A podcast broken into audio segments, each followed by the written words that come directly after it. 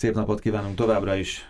Itt a Fintech világa, Szuppán Márton Pik, a másik székben, a másik fotelben, és a múlt héten azt ígérted, amikor a fintech.hu short vettük sorra, rövid híreket szemezgettük, hogy ma női fintech szereplőket hozol. Hát személyesen egyel se találkoztam, de de remek ajánlásokkal érkeztél. Ugye ez egy toplista, egy százas toplista? Igen, kezdhetnénk úgyis a mai adást, hogy nézegessünk nőket, de inkább beszéljünk róluk, meg a, meg a cégeikről, mert itt vannak ilyen kis e, fotók is róluk, is, igen. igen.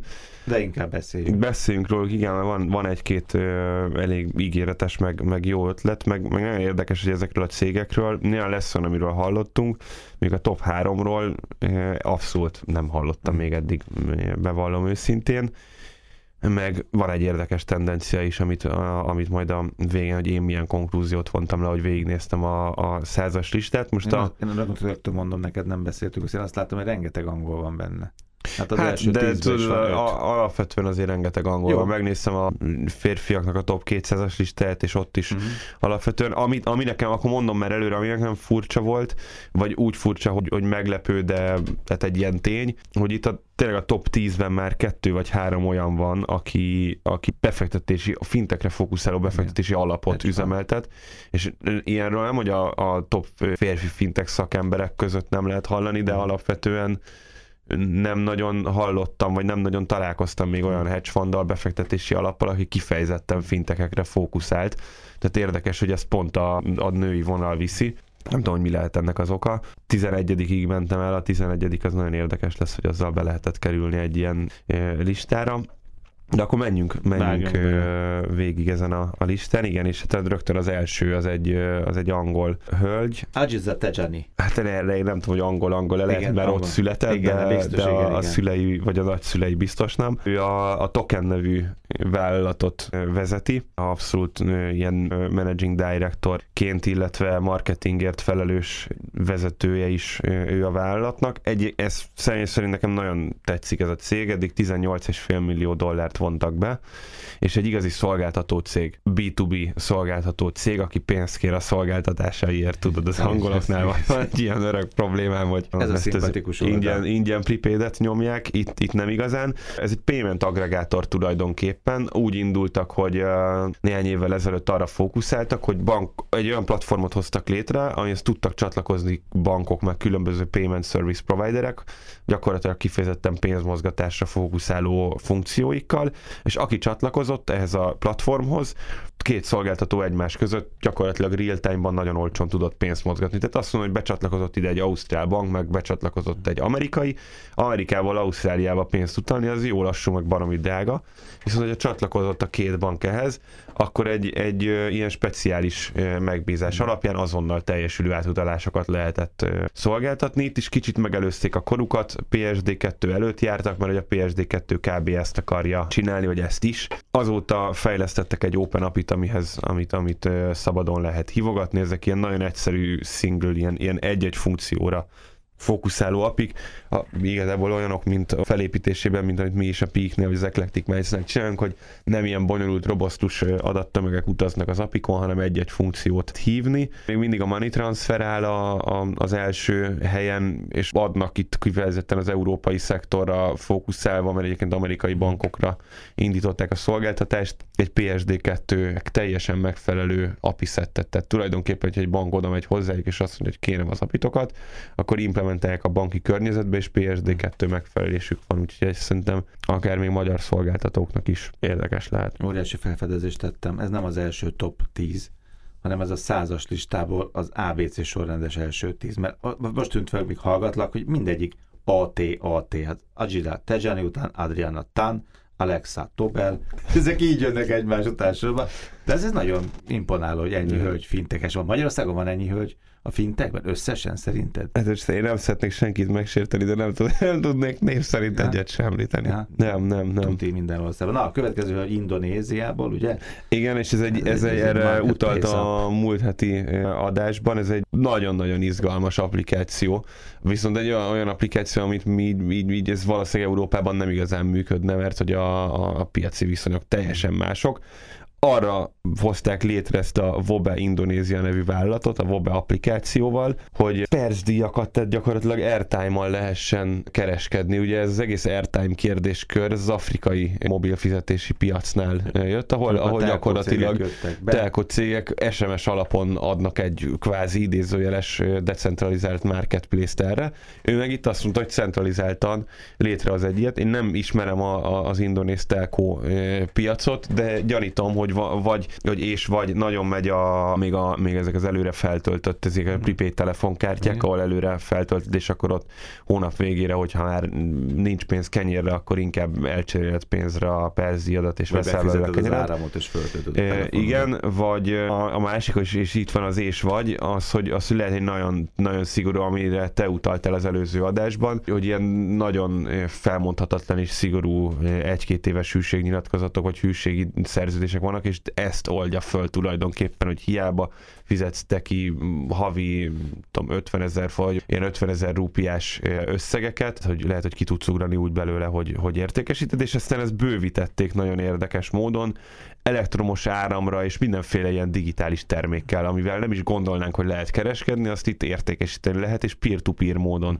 Tehát azt gondolom, hogy egy, egy, egy előremutató dolog egyébként, és a marketplace-nek egy, egy nagyon speciális megragadása, ami nagyon érdekes, hogy be lehetett kerülni ebbe a top 100-as listába, úgyhogy ez egy csak Android alapú applikáció. Azért még van hova fejlődniük, de megint csak előre megkövettem magam, nem tudom iOS penetrációt Indonéziában, tehát lehet, hogy azért nem fejlesztettek rá, mert van 10 darab iPhone, de ez egy ilyen érdekes tény volt ezzel, ezzel kapcsolatban. A következő hölgy is betűső Alexa. Egy, egy amerikai hölgy, igen, és egy vállalatot hozott létre 2007-ben, LearnVest néven, amit már fel is vásároltak. Azóta egy amerikai befektetési alap vásárolta föl ez tulajdonképpen, hát ja, ahogy a nők szokták, jól tervezget előre, hogy mire költsük a pénzünket és mit, mit tegyünk vele. Alapvetően befektetéseket tervez, illetve, illetve kicsit olyasmi, mint egy robot tanácsadó, de annál, annál talán, talán egy kicsit más utat jár, és, és egy, egy fejlettebb robot tanácsadóhoz hasonlító megoldás, megtakarítási programokat lehet indítani, és gyakorlatilag teljesen kiértékeli az ügyfélek a kockázatvállalási hajlandóságét, és azok alapján megmondja, hogy, hogy milyen portfólió összetétellel tett félre a havi pénzedet, és akkor 20 év múlva mi fog kijönni belőle, és nem véletlenül én azt gondolom, hogy nem, nem olvastam utána ennek a, az exitnek, mert egy, egy viszonylag né, néhány évvel ezelőtt, tehát egy, egy régebbi exit volt, mert híreket nem nagyon találtam róla, addig is 69 millió dollárt vontak be a fejlesztésekbe, tehát venture mhm. capital-től, és utána ez a, a Northwestern Mutual Fund Megvették. vásárolta meg, aki meg kifejezetten szolgáltat lakossági megtakarítási programokat is, Úgyhogy én azt gondolom, hogy itt nem szimplán csak egy venture capital, tehát nem, nem csak a pénzügyi befektetési jellege volt ennek a, a felvásárlásnak, tehát nem csak a későbbi felértékelődés reményében vásárolta meg ez a befektetési alap a LearnVestet, hanem egyrészt ügyfeleket, meg technológiát is akart vele vásárolni. Ugorjunk, ez megint egy amerikai hölgy Émire, ugye ez, ez a hedge fund, ami neked úgy nagyon tetszett, ugye, mert pénzügyi technológiai cégekre fókuszált, és azt mondtad, hogy ebből itthon még, a, még férfiban sincs túl sok. Nem, hogy itthon, hanem világszinten. Világ Tehát én úgy, úgy, úgy értettem, igen. igen, ez az Antemis Groupnak a, az alapítója, illetve vezérigazgatója, vagy elnöke. Az Antemis Group egy nagyon érdekes, tehát tulajdonképpen hedge fund, tehát nem befektetési alaplicenszel működnek, mm. hanem egy, egy ilyen magántőke társaság, de nem úgy befektetési alap, mint egy Ázsia alapja az OTP-nek, hogy akkor odamész és veszel pár százezer forintért, vagy indítasz be egy megtakarítási programot, hanem kifejezetten a vállalat csoportnak a vagyonát fektetik be, tehát hedge fund jelleggel működnek. 2008-ban jöttek létre, tehát itt a válság szülte ezt a csoportosulást. Nem is azt mondja, hogy, hogy fintekekre fókuszálnak, hanem azt mondja, hogy, hogy, hogy pénzügyi technológiára és, és technológia alapú vállalatokra fókuszálnak, tehát egy kicsit a finteknél tágabb, vagy hogyha a finteket nagyon tágan értelmezzük, akkor igen, Benne fintekre, van. csak 2008-ban nem is volt még igazán ez a fogalom. 60 vállalatba fektettek be azóta, az elmúlt 10 évben, az azt gondolom, hogy viszonylag azért aktív ezen a piac, ez nem egy olyan nagyon nagy piac. És itt az Atombank róluk beszéltük annak idején. Van egy-két neves vállalat a portfólió cégükben, van, akiből már exiteltek is egyébként, tehát a, nincs most 60 portfólió vállalatuk, van, akiből már kiszálltak. A nevesebb portfólió cégük az például igen a, a, az Atombank, a Fidor, Fidor Bank, akiről, akiről már, már szerintem talán ejtettünk szót, a Monéze, aki egy ilyen Monzo Sterling mhm. Bankhez hasonlító angol, kicsit lassabb startot tudtak venni. A Monzo előtt indultak egy kicsivel, na, ugyanúgy a fiataloknak adnak ingyenes pripét kártyákat, ami neked nem, nem okoz Ne, nem annyira. Van egy, van egy bank, vagy van egy szolgáltató, akivel mi dolgozunk is együtt, ez a Currency Cloud nevű angol szolgáltató, akibe beszálltak. Ők egy ilyen devizakonverziós platformot nyújtanak, ők szolgálták ki egyébként a kezdetekben a TransferWise-t is, mm. tehát ők, kifejezetten egy olyan platform, B2C-ben nem szolgáltatnak, tehát így magánszemélyként nem érjük el. Mi is arra használjuk őket, hogyha mondjuk egy eurós vagy egy forintos kártyán között valaki pénzt akar átvezetni, akkor, akkor az ő platformjukon keresztül konvertáljuk le. Van egy TransferWise konkurens, Azimó néven, nem nőttek akkorára, mint a, a TransferWise, de róluk is volt rövid hírünk, rá, vagy itt műsorban nem beszéltünk szerintem, úgyhogy jól látszik, hogy, hogy, hogy elég jól vállal válogatnak, meg elég jól csoportosítják, van 7-8 csoport, hogy, hogy, hogy, hogy kikbe szállnak bele. Egy, egy, szerintem egy nagyon rendezett és érdekes tevékenységet folytató cég, meg jó, hogy van ilyen. Van még kettőre idő, a te kedvencedet hagyjuk a végére, de Anna Friedrichek mindenképpen a Németországban, mert ezért ez legalább ritka, már hogy egy német hölgy a fintech világában, hogy láttam ebből is, túl sokan nincsenek. Igen, illetve a nagyon, nagyon előremutató a szolgáltatás is, amit, mm. amit nyújtanak. Ez egy Collect AI nevű vállalat, itt már a sejthető a nevéből, ha leírva látja mm. valaki, akkor pláne, hogy ez egy mesterséges intelligenciára alapuló, alapuló. szolgáltatás megint csak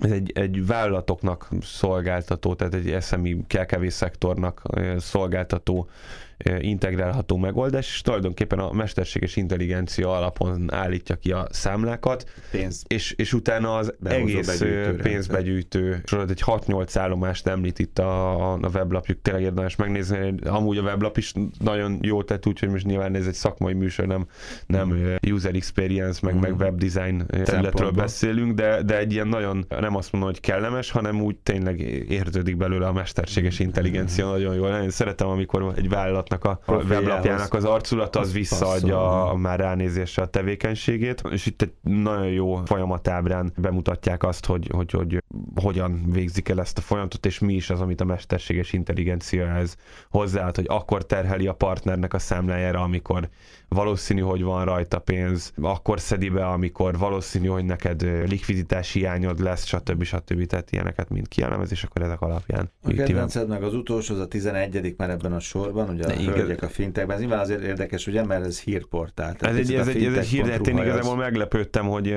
hogy, mi itt hobbiból üzemeltetünk egy hírportált, valaki meg egy, egy én szerintem fintech.hu-nál kevésbé jól struktúrált, meg kevésbé informatív hírportállal be tudott kerülni ide. Érdemes azért megnézni, ez a Fintech Storm nevű fintechstorm.com Azért nem tudtál bekerülni, mert te nem vagy lány. Ne, nem, vagy, nem vagyok lány, de ne, nem is szeretnék Jó, feltétlenül bekerülni egy női listára azért egyébként. Mondom, hát ez egy, nem hogy, bekerülni. Hát biztos vannak, akik, akik nem nők, és szeretnék a női listára felkerülni. Szóval igen, hírportálral is föl lehetett kerülni, tehát ezt is sorolhatjuk abszolút a, a fintech tevékenységben, és, és ezek szerint van, aki még ezt ilyen küldetésének tekinti fő, fő tevékenységként, hogy informálja a népet a finteknek a történéseiről. Fintech.hu, Szupán Márton, köszönöm, jövő héten találkozunk.